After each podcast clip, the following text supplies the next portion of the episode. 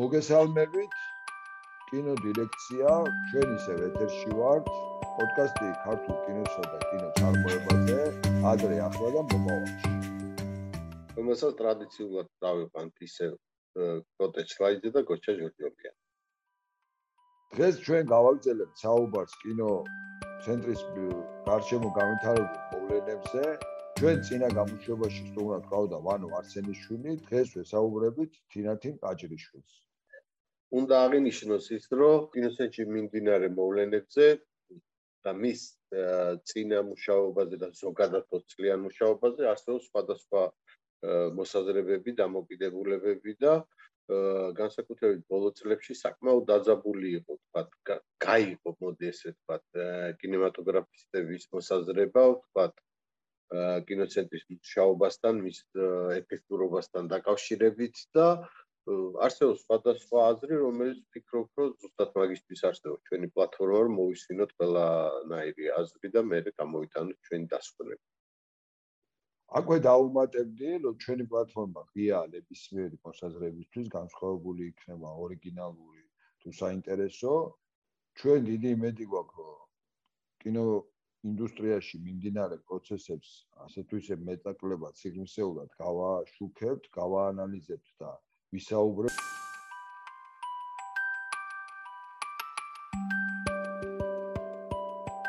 ჩვენი სტუმარია კინორეჟისორი, კინოპროდიუსერი თინათინ აჯრიშვილი. მოგესალმებით თიკო. სალამი თიკო. მოგესალმებით, მოგესალმებით. კინოცენტრის გარშემო გავითარებული მოვლენები ყოველას მეტაკლებად მოგეხსენებათ. ეხლა თან დინამიკაში ბევრი რამე იცვლება, ბოლო ინფორმაციით მიმდინარე კონკურსებიდან კომისიის წევრებიც შეცვალეს. ასევე გაზარდეს დედლაინები გამოცხადებულ კიდევ ორ კონკურსზე. ჩვენთვის ძალიან საინტერესოა რა ხდება მის გარშემო. ასევე შევხედოთ რა იყო ადრე ეხა როგორ ვითარდება და მომავალში იდეალური თუ არა იდეალურთან მიახლოებული კინოფონდი როგორ უნდა მუშაობდეს საქართველოში მოვლენები საკმაოდ სწრაფად ვითარდება. აა მოხდა ის, რაც მოხდა, ნუ დირექტორი შეიცვალა, რაღაც არაორდინალური სიტუაციაა და აი ამ შემთხვევაში გვაინტერესებს თიკო შენი აზრი, რომ პრინციპში პირველად მოხდა, რომ კინოცენტრის დირექტორი არ არის აა კინემატოგრაფიული წრიდან და დაინიშნა პირდაპირ მინისტრის მოადგილე დირექტორად და რა სიტყვით, აი რა რაღაცა დროებითი გონია თუ აი რა რა სიმპტომია ეს? არ ვიცი სიმართლე რო გითხრა იმიტომ რომ ეხა გადაღებებში ვარ ძირითადად თუ ნახევარია. არ გამომიხედია ხო არ ვიცი სიმართლე რო გითხრა არ ვიცნობ ამ ადამიანს მაგრამ ერთი დამაიმედებელი ისე რომ ყველა მხოლოდ კარგად ახასიათებს. ეხა რაც შეეხება ასეთ უცაბეთ ცვლილებას მახსენდება შენი ამბავი კოტე ხო. კი ბატონო.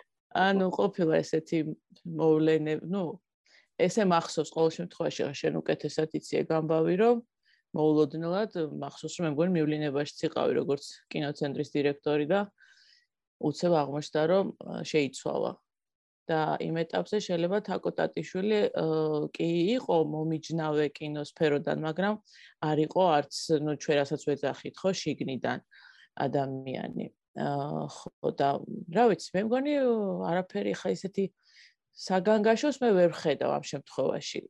აა დანიშნას რაც შეეხება ახლა საზოგადოება შეიძლება არ იცის რომ კინოცენტრის დირექტორს ყოველთვის მინისტრი ნიშნავდა. რაც შეეხება იმ ჟიურის ეს იყო მხოლოდ რეკომენდაცია რამოდენიმე ადამიანზე და შემდეგ ყოველთვის ფორმალური სახე ქონდა თუ ასეთი თუ ისეთი შემდეგ მაინც მინისტრისგან ნიშნებოდა. ეხლა რაღაცა მწვავე ფონი შეიქმნა ესეც მე მგონია რომ მოხდა იმიტომ რომ არ არ გამოაშკარავდა თუ არ ეტაპობრივად არ ვრცელდებოდა ინფორმაცია რა ხდებოდა კინოცენტრში არ კინოცენტრის გარშემო და ხალხმა ეს ყველაფერი გაიგო მხოლოდ მაშინ როდესაც კინოცენტრის დირექტორი თურმე მოხსნეს ხო, ანუ რას გულისხმობ ამ შემთხვევაში არ არ ცელდებოდა ინფორმაცია შიგნით არის აუდიტის დასკვნას გულისხმობ თუ რას გულისხმობ ამ შემთხვევაში? აა, იცი, გულისხმობ იმას, რომ აი რა პროცესები მიდიოდა. იმიტომ რომ ეხლა რაღაცა აღმოჩნდა, რომ სრულიად ესეთი კარგი წარმატებული კინოცენტრის დირექტორი მოხსნეს. საზოგადოება აი აი ამ ეს მხარე საუბრობს ხოლოდ და აა ვინც არ არის ჩახედული ნუ მისთვის ესე ჩანს ეს ყველაფერი რომ ესე ჩვენივრად იყო ყველაფერი სიმშვიდე და უცებ გაგიჟდა ministri და მოხსნა ეს ადამიანი ო აი ზუსტად მაგიტომ მინდოდა და გვინდოდა შენთან საუბარი რომ ამ შემთხვევაში მოდი აი მაგაზე ვილაპარაკოთ რომ აა ნამდვილად არისო ეს ერთ ერთ მნიშვნელოვნად საკითხი ზუსტად ვიცით რომ იყო ბევრი ადამიანი რომელიც უკმაყოფილი იყო ბევრი იყო რომელიც უკმაყოფილო იყო და რა თქმა უნდა ორივე მხარის აზრი არის საინტერესო. გაგიკვირდება და არანაირ ჯგუფში არ ვარ გაერთიანებული, ხა ჩემ ქვარს თუ არ ჩავთვლით, რომელიც ასევე პროდიუსერია. უკვე უკვე ჯგუფია ორი ადამიანი. დიდი დაჯგუფება და იმ ადამიანებს თუ არ ჩავთვლით, ვინც წლებია ამ სფეროშია და დაუგროვდა სხვადასხვა ნაირი გამოცდილება. და ვინც აქტიურად აკეთებს კინოს. აა მე უფრო ასე დავყოფთი რა. აა ჯგუფები ყოველთვის იყო რაღაც ხანდახან ესეთი ა ცოტა არაადეკვატური თუ რეალობას ცოტა მოწყვეტილი ან რაღაცა მხარეს წარმოადგენენ ხოლმე. რატომ არის ესე პოლიტიზირებული ეს ყველაფერი მაგასაც ვერ ხვდები. არის კიდევ ძალიან დიდი გავლენა რაღაცა არასამთავრობოების და ძირითადად როგორც ვატყობ ახლა მარტო ამ შემთხვევაში არა ზურა მაღალაშვილის დროსაც კინოკრიტიკოსები, ან ის ხალხი, ვინც ჯერ კინოკრიტიკოსიც არ არის, მაგრამ ნუ ეს შეუძლიათ მარტივად დაირქვან ჟურნალისტები არიან თუ რა. და აი გარეშე ტიპები ხშირად უფრო ესეთი კომპეტენტურები აღმოჩნდება, ან აძლევენ ხოლმე თავისუფლებას, რომ რაღაცა მისცენ ამას რაღაცა ფორმები, სხვა ისეთი აქტივობები, რა თვითონ კინოს წარმოებლები ამისგან ძალიან შორს არიან ხოლმე, ამის თქმა მინდა და ხო ახლა რაც შეეხება დაჯგუფებას, მე არ არ ვეკუთვნი არ დაჯგუფებას აა ჩვენ შეკრებებს არ ვახორციელებთ და არ გავუღებთ პოსტები და ნუ ახლა ეს რაც ხდებოდა მაშინაც და ეხლაც ეს ესე არ არის ნამდვილად. უბრალოდ შენ თუ მეკითხები რომ მე მივეკუთვნები ადამიანებს ვინც არ იყო კმაყოფილი კი არა თუ როგორც შეიძლება ითქვას ჩვენი აი წინა კინოცენტრის დირექტორის მართლობით ქონდა ჩვენ ძალიან ისეთი რეალური მიზეზები რომელიც რა ვიცი არაერთხელ გავაჟღერეთ, მაგრამ აღმოჩნდა რომ ეს იყო არაფრის მთქმელი თუ არც ისე მნიშვნელოვანი, ხდები? ხო და მაგას ასგულისხმობ არც ისე მნიშვნელოვანში რა იგულისხმება ამ შემთხვევაში? ანუ არ იქნება ის რეალური რეალური პრობლემები რაც დადგა რაც სექტორს უშლიდა ხელს ელემენტარულ ფუნქციონირებაში, ხო, ეს იყო აბსოლუტურად უგულვებელყოფილი ჩვენ შევხვდით კიდევ. მოდი ეთიკო, კი ბატონო, ორი სიტყვით ვთქვათ, აი მესმისო საკმაოდ შეიძლება ძელი ჩამონათვალია, მაგრამ აი თავარი ბულეტები რა იყო, რაც ვთქვათ ფიქრობ, რომ არასწორი პირველივე პირველივე იყო, იცი რა, რომ კარგად ახსოვს ბერლინის კინოფესტივალზე ვიყავი და უცებ აღმოჩნდა, რომ წარმოქმნილი ქონდათ ფლაიერები კინოცენტრის ახალი კონკურსის შესახებ. მიმდინარე თუ აი რომ კოპროდუქციის კონკურსია საუბარი და აი ჩამონათვალში იყო ელემენტარული შეცდომები, რაც ეწინააღმდეგებოდა ევროკონვენციას. და რომ ჩავხედე ამ ფლაიერს და ვართ ბერლინში, სადაც გვაქვს შეხვედრები პოტენციურ კოპროდიუსერებთან. და მაშინ ვთქვი, რომ აი შეცდომა და ამას აფიშირებას მაინც ნუ ვუკეთებთ. აა დაიდო ისეთი მოთხოვნები, რომელიც იყო უცოდინრობით გამოწვეული, აი კოპროდუქციას რაც შეეხება ელემენტარულად.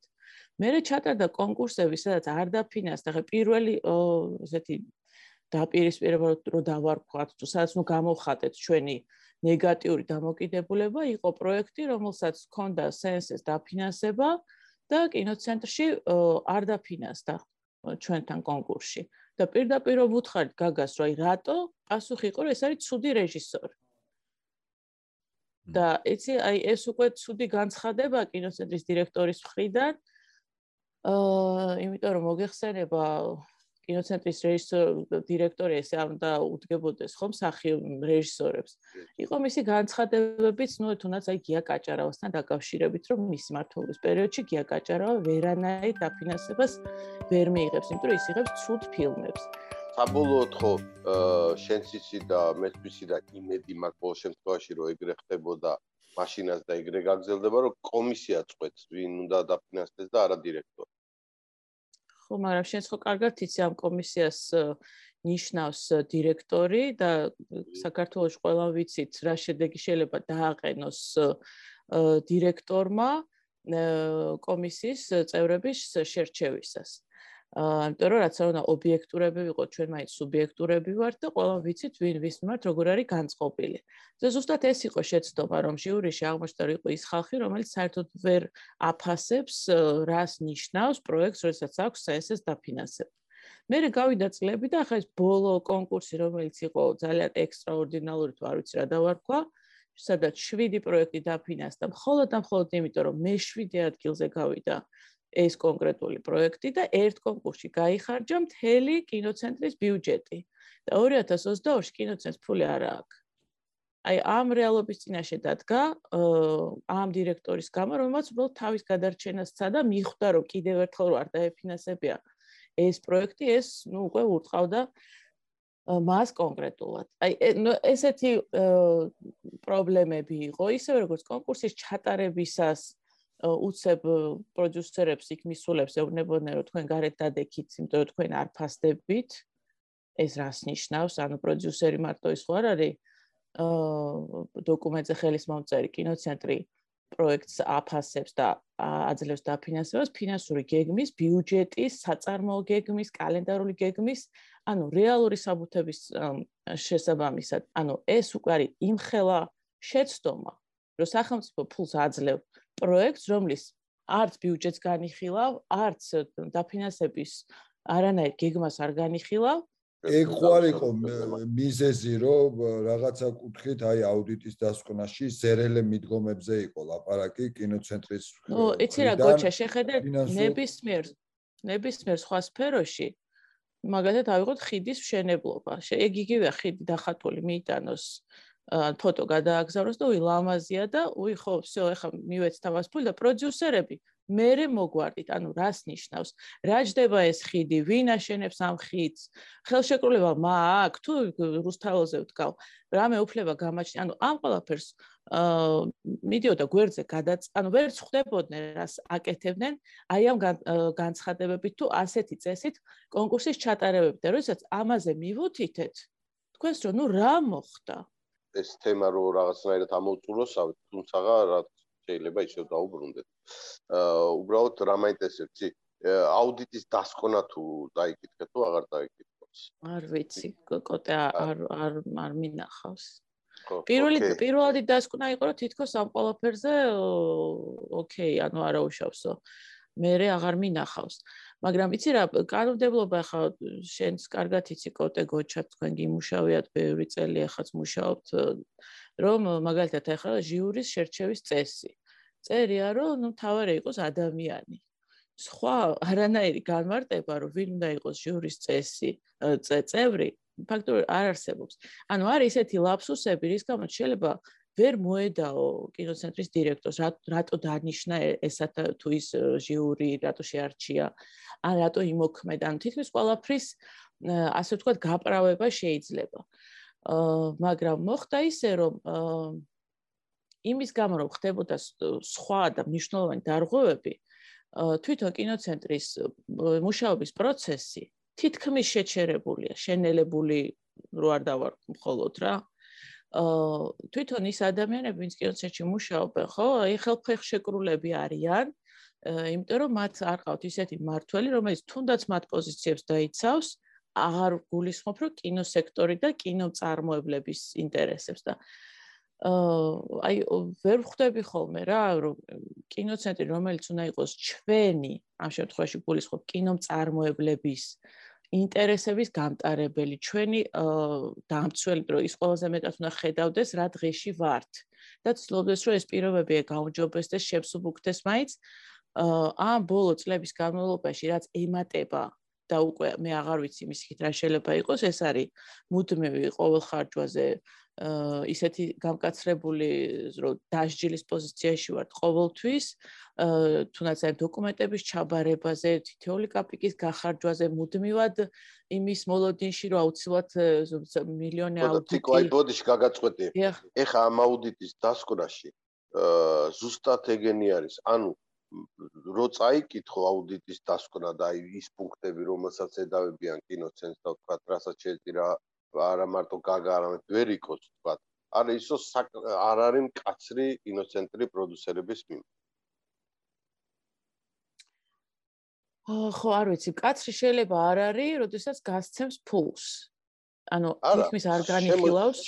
შემოწმების კუთხეზე შემოწმების კუთხე ძალიან სერიოზულისა რომ აი ეს რატო არ შემოწმე აი ეს პუნქტი რა არის ეს ისა. უბრალოდ მე ის ხაზი გასმა მინდა რომ შეიძლება ეხა პირიქით თუმცა მოდ დაველოდოთ მოვლენებს. მე ესეთი ისა მაქვს რა მოლოდინი რომ პირიქით რასაც შენამობ აი ეს პუნქტები სავარაუდოდ შეიძლება გამკაცო აა გეტყვი ერთ რაღაცას. ეს თვითონ კულტურის სამინისტროდან მოდის ალბათ რომ მისი აუდიტის სამსახური რა ვიცი ერთი ორჯერ მქონია შეხება და მეგონა რომ ციხეში გამიშვებდნენ იქიდან დამოკიდებულება იმდენად არაჯანსაღი რა უნდა რას გვერდჩიან. ეს არასოდეს არ დაალაგდა. ეს არ დაწყებულა დღეს ბოლო რა ვიცი 15 წელია შეხება მქონია და ანუ არ ვიცი საიდან არიან მოყვანილები რატო უდგებიან ესე ამ ყველა განხილვებს თუნდაც იმ ბიუჯეტის თუ ასე შემდეგ არასოდეს არ დაიხვეწა საგადასახადო მიმართულებით ახლა მილიონჯერ იყო საუბარი შემოქმედებითი ინდუსტრიებს საერთოდ სხვა მიდგომა უნდა იყოს სახელმწიფოს მხრიდან გადასახადები იქნება თუ თუნდაც ჩაბარება ამ დოკუმენტაციის და ამის მაგივრად კულტურის სამინისტრო პირდაპირ ხადაგებს რომ რა ვიცი ლიმონათის წარმოება უფრო მარტივად შეიძლება იქნას ხაბა მისი წარმოება უფრო მარტივად შეიძლება გაკეთდეს, ვიდრე კინო იქნება თუ ციგნის გამოცემა თუ ნუ ის რასაც კინო კულტურის სამინისტრო აფინანსებს. ეხლა ეს ნელ-ნელა გადმოვიდა კინოცენტრშიც და კინოცენტრის ფინანსური განყოფილებას თავს იცავდა, რომ ყოველ საბუთზე აუცილებლად აუდიტის დასკვნა და რა ვიცი მილიონი ხელშეკრულება და ამ ხალხს ავიწყდება რომ აა ყველაზე რას რა ვთქვა ღარიბი სფეროა. მიუხედავად რომ ბიუჯეტი დიდი გვაქვს რითიც შეიძლება ესე ჩანდეს ხო რომ ნახევარი მილიონია გადახდილი მაგრამ მოგეხსენება ჩვენ არ ყავს არც ბუღალტერები რომლებიც ცოტათი მაინც ერკვევა ჩვენს ხარჯს და არ ყავს იურისტები. იმიტომ რომ ეს სფერო არ არის მომგებიანი ამ ორი მიმართულებისთვის. არასოდეს არ გავითარდა და არავინ არ გაჩნდა ისეთი ვინც ჩვენს პოზიციებს დაიცავს. ყოფილა მახსოვს წინა კინოცენტრის დირექტორების დროს რომ შევხვდით აუდიტის სამსახურსაც. აი ნელ-ნელა ძალიან დიდი ძალისხმევის შემდეგ ნუ ხან როგორც იქნა მოგვეხსნა ქონების გადასახადი. ეხლა ისევ დეგეგეთი იბეგრება კოპროდუქცია. ანუ არის ნიუანსები რაც არასოდეს არ გასწორდა იმიტომ რომ წარმოებლები ვართ სულ რამოდენიმე და ჩვენი ინტერესები არ არის ადამიანი, ვინც ამ ყველაფერს დაიცავს კი არა, ნუ შეშინებულის პოზიციაში რო კინოცენტრის დირექტორი იმან ვის ინტერესი უნდა დაიცოს, ხვდებით? არასოდეს არ გაჯანსაღდა ეს ყველაფერი და თუ უფრო მეტ სიტყვენ, აი ამაზე უნდა იყოს რეაგირება სექტორისგან და თვითონ კინოცენტრისგან. ჩვენ დიდი გამოცდილება აქვს თიკო უცხოელებთან ურთიერთობაში და რი აი რა შეხები ხარ? შენ თვითონ და რის გადმოტანა შეიძლება ჩვენთან? ევრიმაშთან ბუღალტერიის ჩაბარება ბევრად უფრო მარტივია ვიდრე კინოცენტრსა და ევრიმაშთან ვაბარებთ 4 ქვეყანაში გახარჯულ თანხებს და ამ წარმოების იმიტომ რომ ყველა ხვდება იქ რომ კინო არის ძალიან ცოცხალი პროცესი მაგალითად კინოცენტრი ითხოვს რომ მე სანამ შევალ წარმოებაში წარმოებაში კი არა პრეპ მოსამზადებელში. მე უკვე წარვადგინო სამივე ტრანში. ну პირველი მაინც და პირველი ტრანში რას ნიშნავს? მოსამზადებელში შესვლა ნიშნავს რომ უნდა მოვიძიო ლოკაცია უნდა მოვიძიო მსახიობი უნდა ავიყვანო ჯგუფი. და მე წინასწარ სამი თვით ადრე უკვე უნდა ვიცოდე, რამდენს მომთხოს მსახიობი, რამდენს მომთხოს ლოკაცია, რამდენ ანუ მთელი წარმოება, ესე იგი, ფანტაზიით უნდა დავგე, მიახლოებით. მაგრამ მე კინოცენტრს აუცილებლად კინოცენტრი მიქნის პრობლემას, რომ როგორ შენ რო გეწერა რაღაც 10 თეთრი და რაღაც, რატო გახდა ეს ყველაფერი ლარი. ანუ არანაირი ის რომ კურსის ცვალებადობა მოგეხსენება ჩვენთან არავინ ამას არ არ რეაგირებს ამაზე ანუ ყველაფერი არის პროდიუსერის ტკივილი ასე ვთქვათ პროდიუსერის მოსაგვარებელი ოღონდ მოგვარება არის დანაშაული ის რომ კურსი შეიცვალა, ის რომ სახიობი გამიხდა ცუდად, ის რომ რა ვიცი, გაფუჭდა მანქანა, მიწევს მისი გარემონტება, რომელიც ბიუჯეტში არისო, ან კოვიდია, გავჩერდით ჯგუფი ჭიათურაში მყავს სასტუმროში, ანუ სასტუმროს ხარჯი შეიცვალა. ანუ ცოცხალი პროცესია და მე არ მქონია შემთხვევა აა რომ წარმოებაში ყოველთვის ყველაფერი ხდება მიდის ხოლმე იმ იმაზე ცუდად, რაც კი შეიძლება რომ ადამიანმა მოიაზროს, ხო? ჩვენი ქვეყანა მუშაობს დაზღვევის გარეშე. ეს უკვე წარმოიდგინეთ ერთი კაცის მე ვარ დაზღვევაც ვინმეს რამე შეემთხვევა შრომის კოდექსს და იმებს აღარ გულისხმობ რომ ჩვენ საერთოდ არ მოვიაზრებით ანუ ჩვენი მოკლევადიანი ხელშეკრულებები ადამიანი არ გაჩნდა ვიც ამას დაარეგულირებს ან კინოცენტრში ან კულტურის სამინისტროში. ანუ რეალური პრობლემები რაც არის პრობლემები არა. თანამედროვე ინდუსტრიის ჭანჭიკები რომლის გარეშეც ეს სფერო არ მუშაობს. დაზღვევა შრომის კოდექსი და ეხლა მაგალითად შემოვიდა ძალიან კარგი რამ რომ მცირე მეწარმეებს დარეგისტრების უფლება აქვს ნებისმიერ კინო ინდუსტრიაში მომუშავე ადამიანს. მსახიობს რა ვიცი დეკორატორს მხატვარს ვაიძულებ ხალხს რომ დარეგისტრირდნენ. ანუ ესეც არ გახდა, რომ ნელ-ნელა აღირიცხოს რა ფული იხარჯება, რომ ეს ნახევარი მილიონი მარტო პროდიუსერთან კი არ მიდის, ეს ნახევარი მილიონი მიდის ასობით ადამიანთან და აღირიცხოს ვინ არის ამ სფეროში დასაქმებული, რა შემოსავალი აქვს. ანუ არ ხდება თანხვედრა, რომ კინოცენტრი მიხვდეს რა არის მნიშვნელოვანი, ინდუსტრია ვიფუნქციონიროს. და ეს ყველაფერი არ წყდებოდეს მარტო კონკურსის ჩატარებით და მე ესე ვიღაცაზე მინდობილი ფულით, რომელსაც მე უნდა დასდევდეს აუდიტი, თელი სფერო იყოს მის წინააღმდეგ თუ იმე რამეს აკეთებს და ჩასაფრებული პოზიციიდან.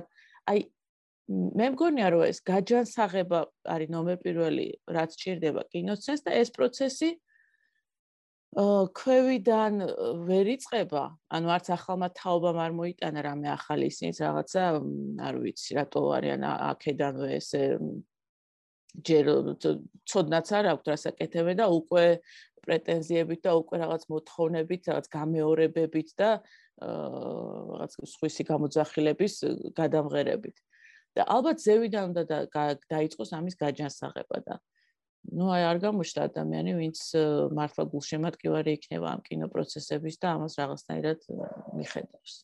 წინა დირექტორი ესეთ ფორმით თუ ისეთ ფორმით აღარ არის დირექტორი ეხა ვიწყება რაღაცნაირი ახალი ეტაპი ვნახოთ რა იქნება და როგორ. მაგრამ აი ეხლა მოლოდინი ამ შემთხვევაში ხო ყველა უნდა დაველოდოთ რა იქნება.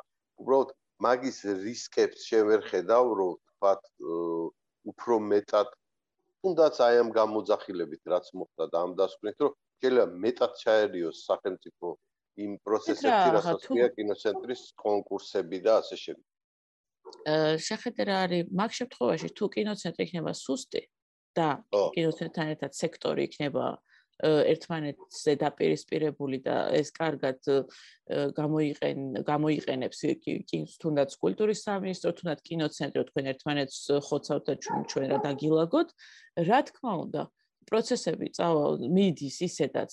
ხდებით რომ დასუსტებულია სექტორი ერთმანეთს და ეგ მოცემულობა გვაქვს მეც მაგას ვიძახი. ანუ კინოცენტრის დასუსტებულია და სექტორის ფაქტია რომ მე დაჯგუფებები მაგით ვთქვი შეიძლება ის რომ სექტორი არ არის ერთ აზრზე და გაერთიანებული რო არ არის ფაქტია. კინოცენტრისო დასუსტებულია ფაქტია და აი ხა რაღაც საშიშროებას ხო არ ხედავ მან არა საშიშროებები ყოველთვის იყო კოტე ხო იცი რა რაც გამოგვიულია შვიდი და წყნარი ყოველთვის ვითხოვთ რომ შეიცვალოს შეიცვალოს მაგრამ დღეს ის ხალხიც არ არის ვინც ითხოვს ცვლილებებს კონკრეტულს საქმესთან ახლოს ხვდებით მე უფრო კონკრეტიკის ადამიანი ვარ ვიდრე ემოციების იმიტომ რომ მე მაქვს ცოცხალ პროცესთან საქმე სადაც კინო უნდა ვაკეთო და ამის ხელის შეშელი პირობებია ჩემთვის, რადგან ყოველთვის ვიტყვი, რომ ეს უნდა შეიცვალოს, ეს აი ესე უნდა გაკეთდეს.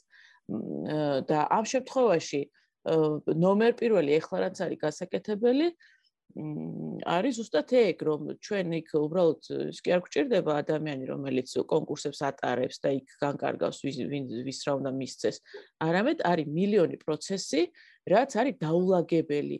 ამ სამა წელმა გააფუჭა იცი რა რომ წავიშალეთ კინო რუკიდან სოფლიო კინო რუკიდან კოვიდის დროს როდესაც ყველა ქვეყანა თითქმის ერთ პოზიციაში აღმოჩნდა რომ აი 0 წერტილიდან ვიწყებდით ათლას საქართველოს ამ 0-ს ქვევით ჩამოვიდა კიდე იმიტომ რომ ეს ყველაფერი კარგად გამოიყენა სხვა ქვეყნებმა თავისი გასაჯასაღებლად პროექტების გასავითარებლად თუნდაც აი ეს დასახვეწად და ჩვენ ეს ყველაფერი გამოვიყენეთ იმისთვის, რომ ვიყავით აბსოლუტურად გამოთიშული ყველანაირ პროცეს, შიდა პროცესებიც არაფერი არ ხდებოდა გადადაპირისპირების და ნუ იქნება ახლა მაინც ნელ-ნელა ჩავდგეთ, ისევ გამოვჩნდეთ, ოღონდ უფრო ჯანსაღი ფორმით. ეს არის ამისთვის რამე ხო არ არის თქო საჭირო, ანუ კიდე რთული საკითხია ეგ, მაგრამ შენ ამბობ რომ ზევიდან, აი ზევიდან თუ არ წამოვიდა ეგ ინიციატივები, შეიძლება წამოვიდა. დაბლიდან ხო არ არის საჭირო რაღაც. აი შეხედე მოთხოვნა უნდა გაჩნდეს. როგორც ყოველთვის ვაკეთებდით და ისევ ნუ დაჯგუფება დაგვერქვევა იმ ადამიანებს, ვინც წარმოებლები ვართ, რომ შევიკრიბოთ, შევხვდეთ ახალ დირექტორს და კულტურის სამინისტროს, იმიტომ რომ ეხლა როგორც ხედავ, უფრო სამინისტროს ხელში გადავიდა, ნუ კონტროლი მეტი აიღო სამინისტრო, უნდა გავაგებიოთ, რომ ეს ისედაც 5 მილიონად დაფინანსებული კინოცენტრი, რომელიც მთელ ინდუსტრიას უნდა ეყოს და ეს არის გამომწვევი თუნდაც იმ დაპირისპირებების, რომ ნელ-ნელა იმაში მაინც შეგვიწყდა. მაგრამ ნახე იმ ჯგუფს საკმაოდ კიდევ ერთხელ აი მაგიტო ვიზახი, სადღაც 300 კაცმა არ ვიცი ზუსტად რამდენმა კაცმა მოაწერა ხელი. ზუსტად მოთხოვნა იყო რომ შეხვედრო და სამისო და არ შეხვდა. კი ბატონო, ჯგუფი დავარქვათ იმ 300 კაცს თუ არ ვიცი მე. და იმათ არ შეხვდა. ანუ ეხა ცალკე სხვა ჯგუფმა უნდა მოითხოვოს შეხვედრა, თუ აი ეს როგორ წარმოგიდგენთ. 300 კაცთან შეხვედრა ეგ არის მიტინგი. არა. არა, რა თქმა უნდა, რა თქმა უნდა, მე ზოგადად ვამბობ, რომ იყო მოთხოვნა შეხვედრაზე მოთხოვნა უბრალოდ ჯერ, თორე ის არ იყო 300-ივე კაც შეხვდი, ალბათ არ ვიცი ზუსტად. ხო, მე არ ვიცი მოთხოვნაც რა იყო და ახლა მაგასთან დაკავშირებით შეხვედრა საჭირო იყო თუ არა. მაგას ვიძახი რომ პროცესი რომ ნათელი ყოფილიყო რატო ხდებოდა ეს ყოველ და რატო მოხდა რითიც დაგვირგვინდა ეს 300 კაციც არ ვიცი რის გარშემო გაერთიანდა. მაგრამ ეხლა რაც შეეხება კონკრეტული მიზეზები რომელიც უნდა გაჟღერდეს და რაც არის მოსაგვარებელი იმიტომ რომ ვიღაცები უბრალოდ კაბინეტებში სხედან და რაღაცებს წყვეტენ და მე ჩვენ ვართ ამის შემსრულებლები და დამნაშავეებიც ამავდროულად. და აი ეს მაინც რომ გამარტივდეს რომ მიხვდნენ რა არის ის რაც გვიშლის ხელს და რის მოგვარებაც აბსოლუტურად შესაძლებელია. მე აქ არ საუბრობ რაღაც მოუგვარებელ და ოცნებებს ხვდებით ანუ ჩვენ ვართ ევრიმაჟის წევრი, ვართ სხვა ევროპული ევროკონვენციის წევრი და მე რაღაც ახალს არაფერს არ ვითხოვ. ვიყოთ შესაბამისობაში იმ ქვეყნებთან და ვიფუნქციონიროთ ისე, როგორც ფუნქციონირებს სხვა ქვეყნები. შესაძლებელია, რომ ეს გამოსწორდეს, თუ ეს რაღაცა იდეალური აუცილებელია, გოჩა. იცი რა, კანონმორჩილი კინო კინოშნიკი არის დაღუპული კინოშნიკი რა. ეს სფერო გახდება იდეოლოგია და არა კინოს კეთება. ამის გამოცდილება გვაქვს კომუნიზმიდან მოყოლებული. ეხლა მაგაზე არავინ არ საუბრობს. კინოპოლიტიკა ღარნიშნავს პოლიტიკას კინოში. ესეც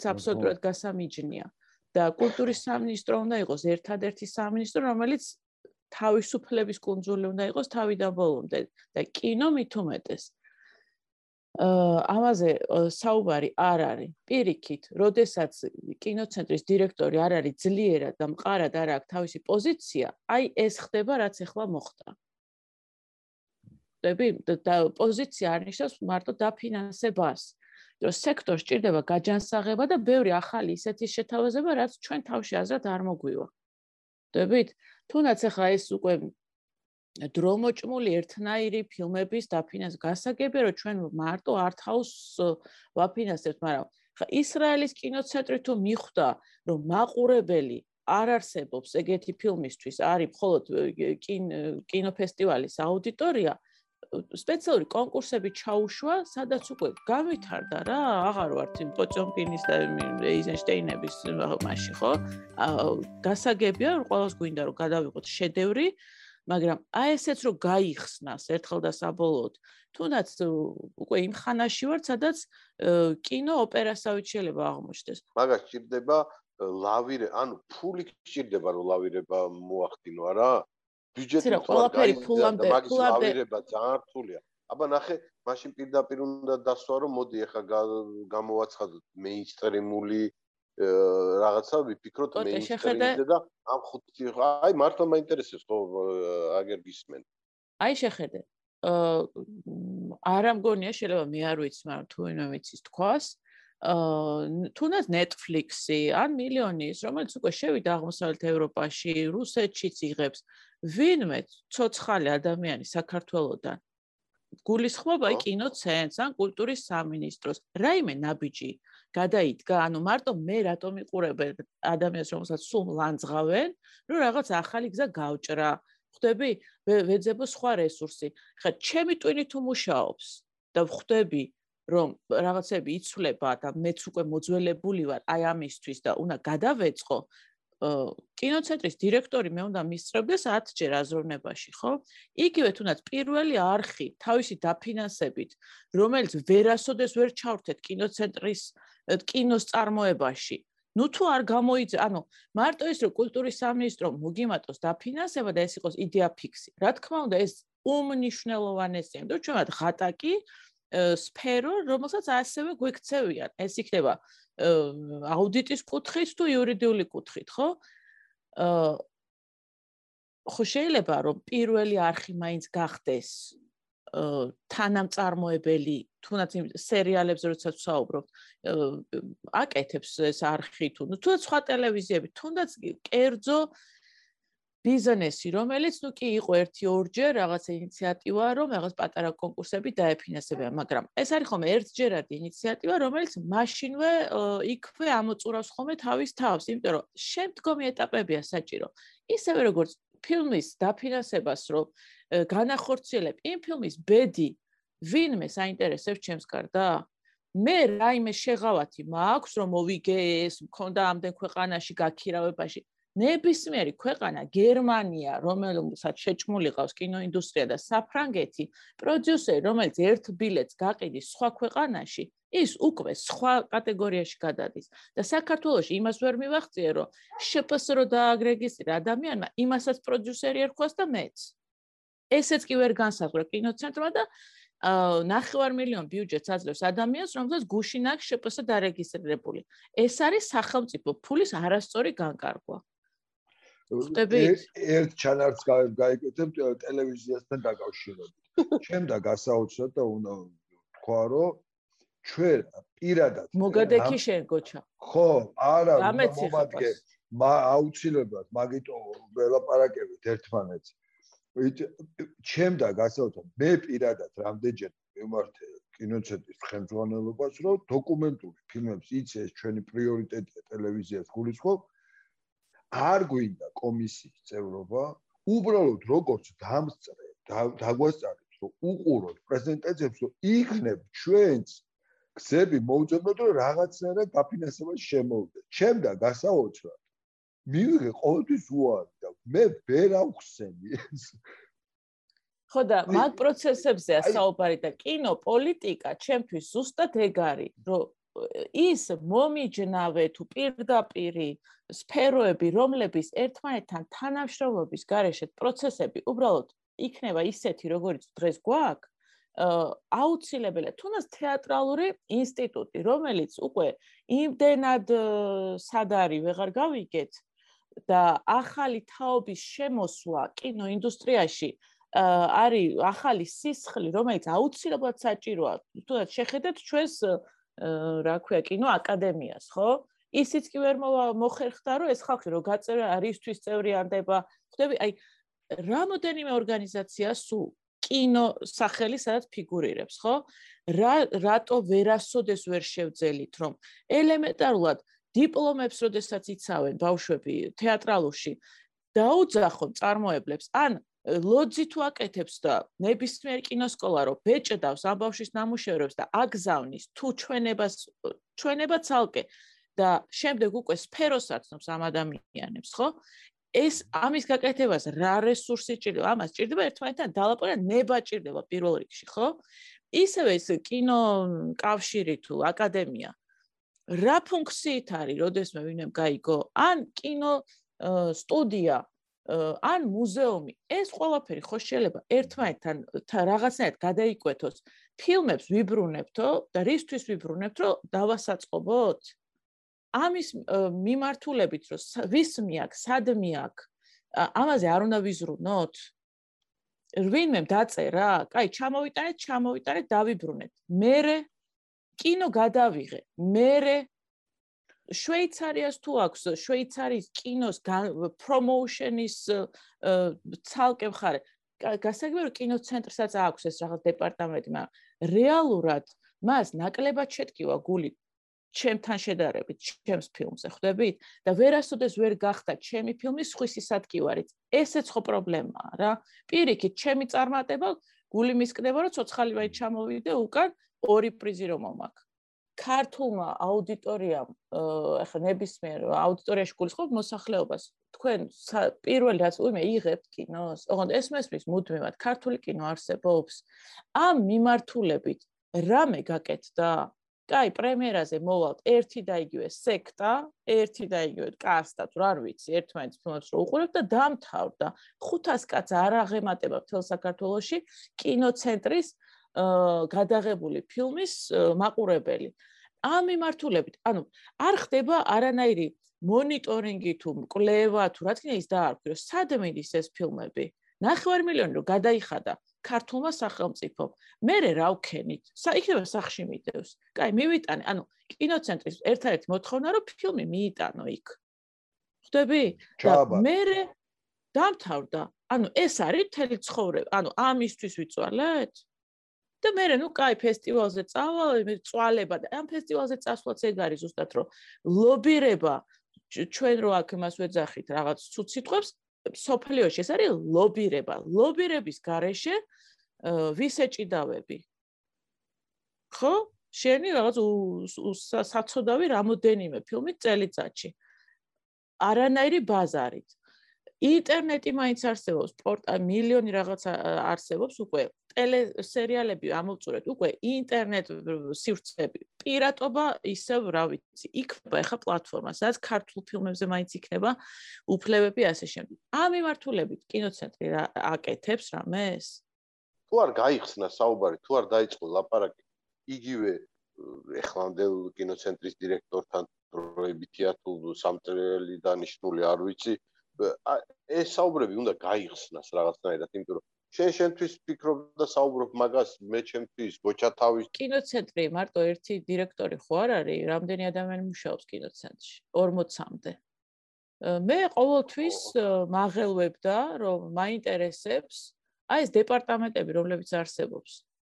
დავიჯერო ყველა დირექტორის ქვეშ ახლა ბევრ ქვეყანაში დირექტორი ისე მიდის ისე მოდის ეს ადამიანები ფუნქციონირებენ და მარტო ერთ კაც არაბარია და მარტო იმ ერთი კაცის ნების გამსაზღვრელი არ არის თვითონ კინოცენტრის სიძლიერეც არის საჭირო ის დეპარტამენტები პასუხს რო ვერ ქცემენ აბა რა ვქნათ და ისა და ეს შეიცვალა უიმედე და ეს უკვე ძალიან მოძველებული, აი კომუნიზმია.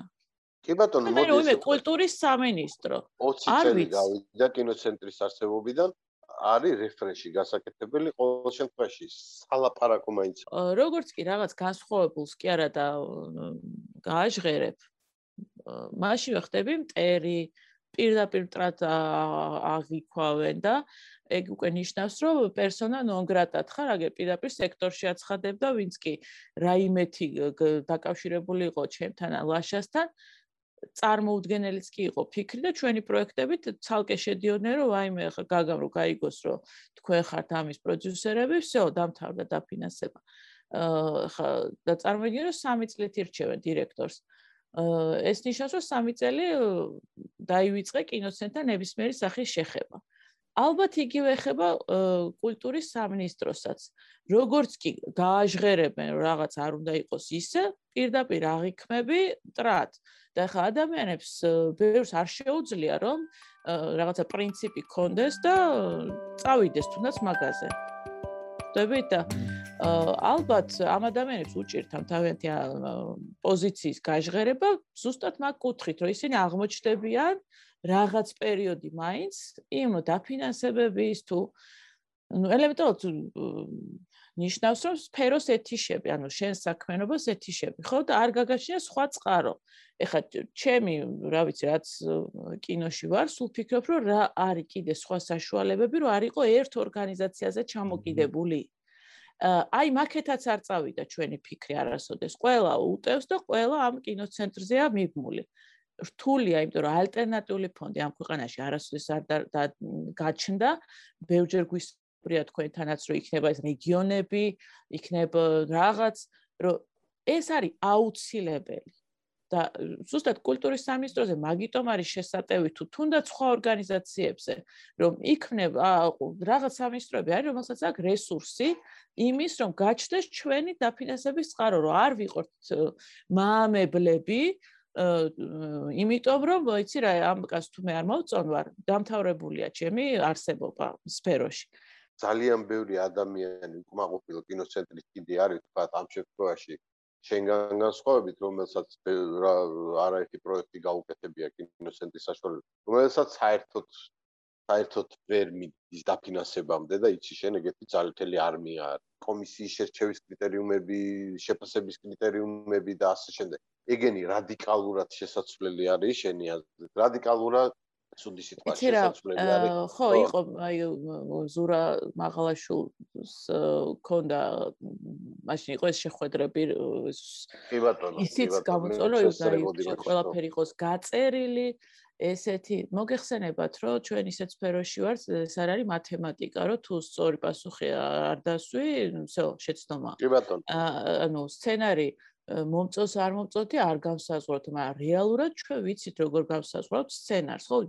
გმირი გავითარებული არის თუ არა შეაფასე, ის გავითარებული მე მინახია იდას სცენარი, რომელიც არის 30 გვერდიანი და ტურინის ცხენის სცენარი საერთოდ არ არსებობს ბუნებაში. ანუ ამ ხალხს კინო არ უნდა გადაეღოთ?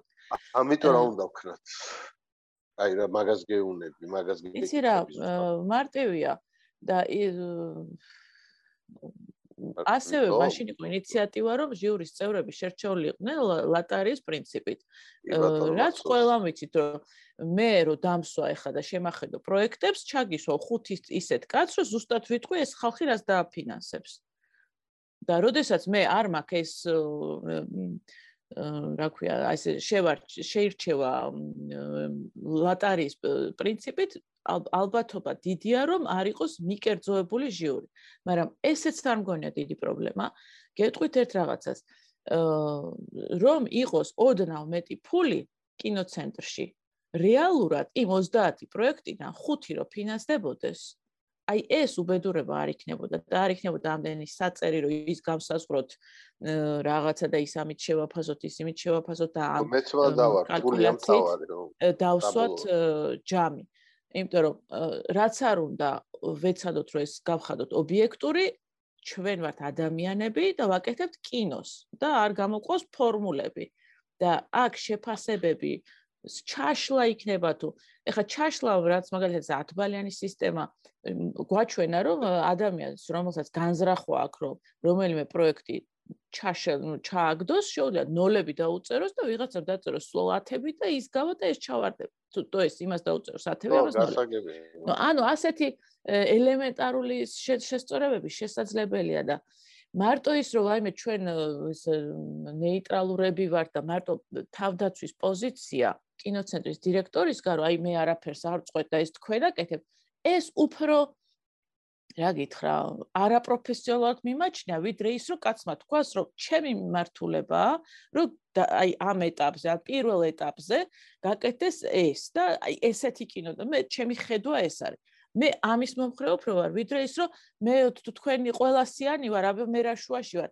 აი ამ პოზიციამ გააფუჭა პროცესები კინოცენტრში. რომ მუდმივად ან კულტურის სამინისტროს შიში აქვს, ან სექტორის შიში აქვს, რომ იქ ვიღაცა უყირავდება და ტელევიზიებში და რაღაცა ანონიმური წერილების წერას დაიწყებენ. თითქოს ეგ არის პოზიცია კინოცენტრის, რომ ვინედან არის ორი კაპიკი, უნდა გაიწუროს და ის საუკეთესოთა შორის საუკეთესოს მიეცეს დაფინანსება. ნუ ბოლო წლებმა რაც აჩვენა, ახლა ჩვენი ერთადერთი მონიტორინგის საშუალება, რომ ჩვენი შედეგი რა არის, არც გაყიდული ბილეთია ჩვენი შედეგი ლოკალურად, არც გაყიდული ბილეთია საზღვარგარეთ. ანუ უნდა ჩაიწეროს რა არის მიღწევა. ნუ კინო რო შედგა და გადავიღე, მე უკვე თავი მგონია, ნუ გადარჩენას ვულოცავთ ხოლმე. მე ერთმანეთს რო ცოცხლები ვართ და არ ვართ მილიონი ვალით. ეს არის ხოლმე იმხელა მიღწევა, რომ ნუ რა ვიცი, უკვე გვიხარია. ფილმი რო დავასრულეთ, ეს ხო მეორე მიღწევაა და უკვე ძალა გამოცლილი შენ თვითონვე ხარ ამ ფილმის გარეთ გამტანიც ფესტივალზე მოსახვედრად და საზღვარგარეთ დისტრიბუცია ხო ეს კიდეც ცალკე ამბავია. ალბათ აი ამის მონიტორინგი რო არსებობდეს თუ დავთვრითო წელიწადში, ну, დაახლოებით 10 ფილმი კეთდება, წინა წლებში ეს ფილმები ხვდებოდა კარგ ფესტივალებზე, ანუ A-კლასის ფესტივალებზე. ასე თუ ისე კარგად მივდივართ, ანუ გარედან რო შევხედოთ. უბრალოდ ისე ვიმეორებ, ლობირება. კინოცენტრი უნდა იყოს გადაფარებული და რა ვიცი, ჩვენზე წინ ეგ უნდა ჭრიდეს და მე ჩვენ მივყვებოდეთ. სამწუხაროდ ეს არის უკუღმა. კინოცენტრის დირექტორი რო წერს საერთაშორისო ფესტივალს, რომ ეგ პროექტი მოხსენიო. ახლა ეგ იცით? ესეთ რაღაცას რო აკეთებ.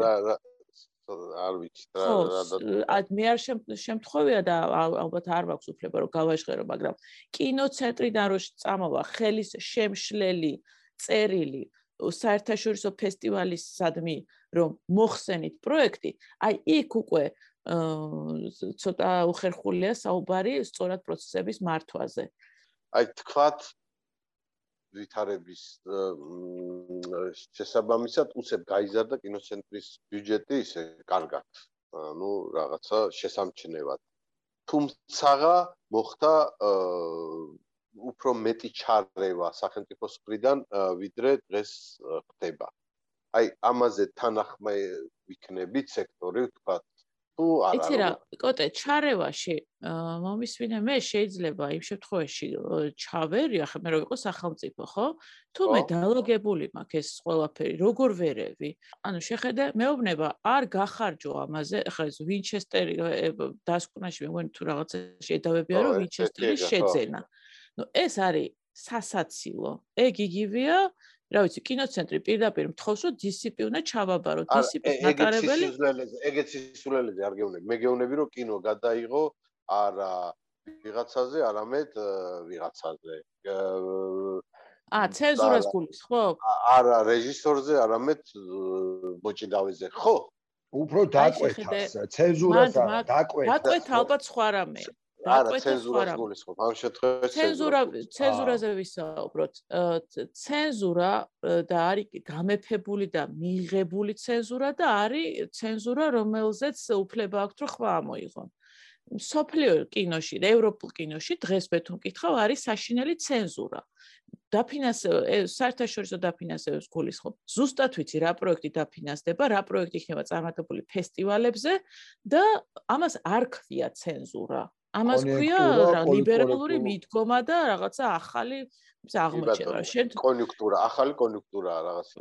არა, კონიუნქტურა კი არა, კარგი სიტყვა ქვია რაღაც, რომ აი პაშრენი, რომ აი ახალი სათქმელი და აი აღარ არის ეს ახალი უკვე ძალიან დაძველდა ძალიან კი ბატონო ჩვენ თუ კონკრეტულად ამ ადამიანზე გადაიღე და იმ ადამიანზე გადაიღო ეს კიდე ნიშნავს რომ 100 წლით უკავბრუნდებით ან ვებს გავსებით რა ვიცი მე ჩინეთს მაგალითად სადაც იარაღი არ უნდა ჩანდეს ფილმში თორე სახელმწიფო ფულს არ მოგცემს. ნუ ეგ ჩემთვის სასაცილოა. და ამ შემთხვევაში საუბარია რომ ვერ ვართ იმ წონის რეჟისორები და პროდიუსერები რომ გაუბედავ ამას მას არაძლიერს, მოდი ესე დავარქვათ რა. თორე სუსტი როა სექტორი, იმიტომ შეიძლება ეგ მოხდეს, თორე ძლიერ სექტორში ხა ვერავინ ვერ დაუკანონებს ტარანტინოს სისხლი გადაიღოს თუ არ გადაიღოს, ხო სასაცილოა. ხო და მაგაზე მე მგონი თანხმდებით რომ სამწუხაროდ სექტორი სუსტია.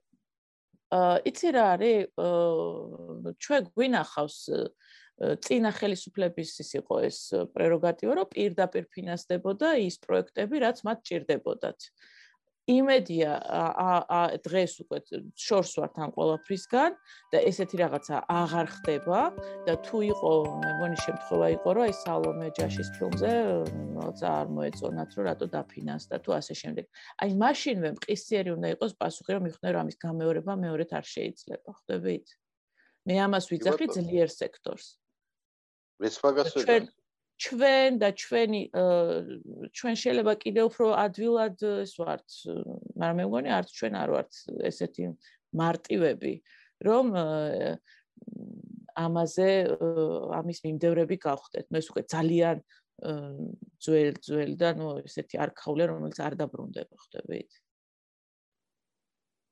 ანუ შენ ამბობ რომ მაგაზე მე გქო სპეკულაციის ის მგონია ხო მე მე მე ხა უტრირება და რეალური საფრთხე ძალიან კი ძალიან ცუდისკენ დავაყარე რეალურ საფრთხედ არ აღვიქვა ისევე როგორც იმ დროსაც ჩემი პროექტი პატარძლები დაფინანსდა იმიტომ რომ იქ ის და ისეთი ჟიური ვისაც ციხეში ვიღებდი ფილმს და 2012 წელს დაფინანსდა და 2013 წელს მე ეს ფილმი გადავიღე ხო და ამ შემთხვევაში არც ესეთი მარტივები ვართ რა, რომ ესე გვიკარნახოთ რა, გასაკეთებელს ასე თუ ისე გავაკეთებ და მარტო ის რომ უიმე ცენზურა არ იყოს და მეშინია, ეს მგონია პოზა.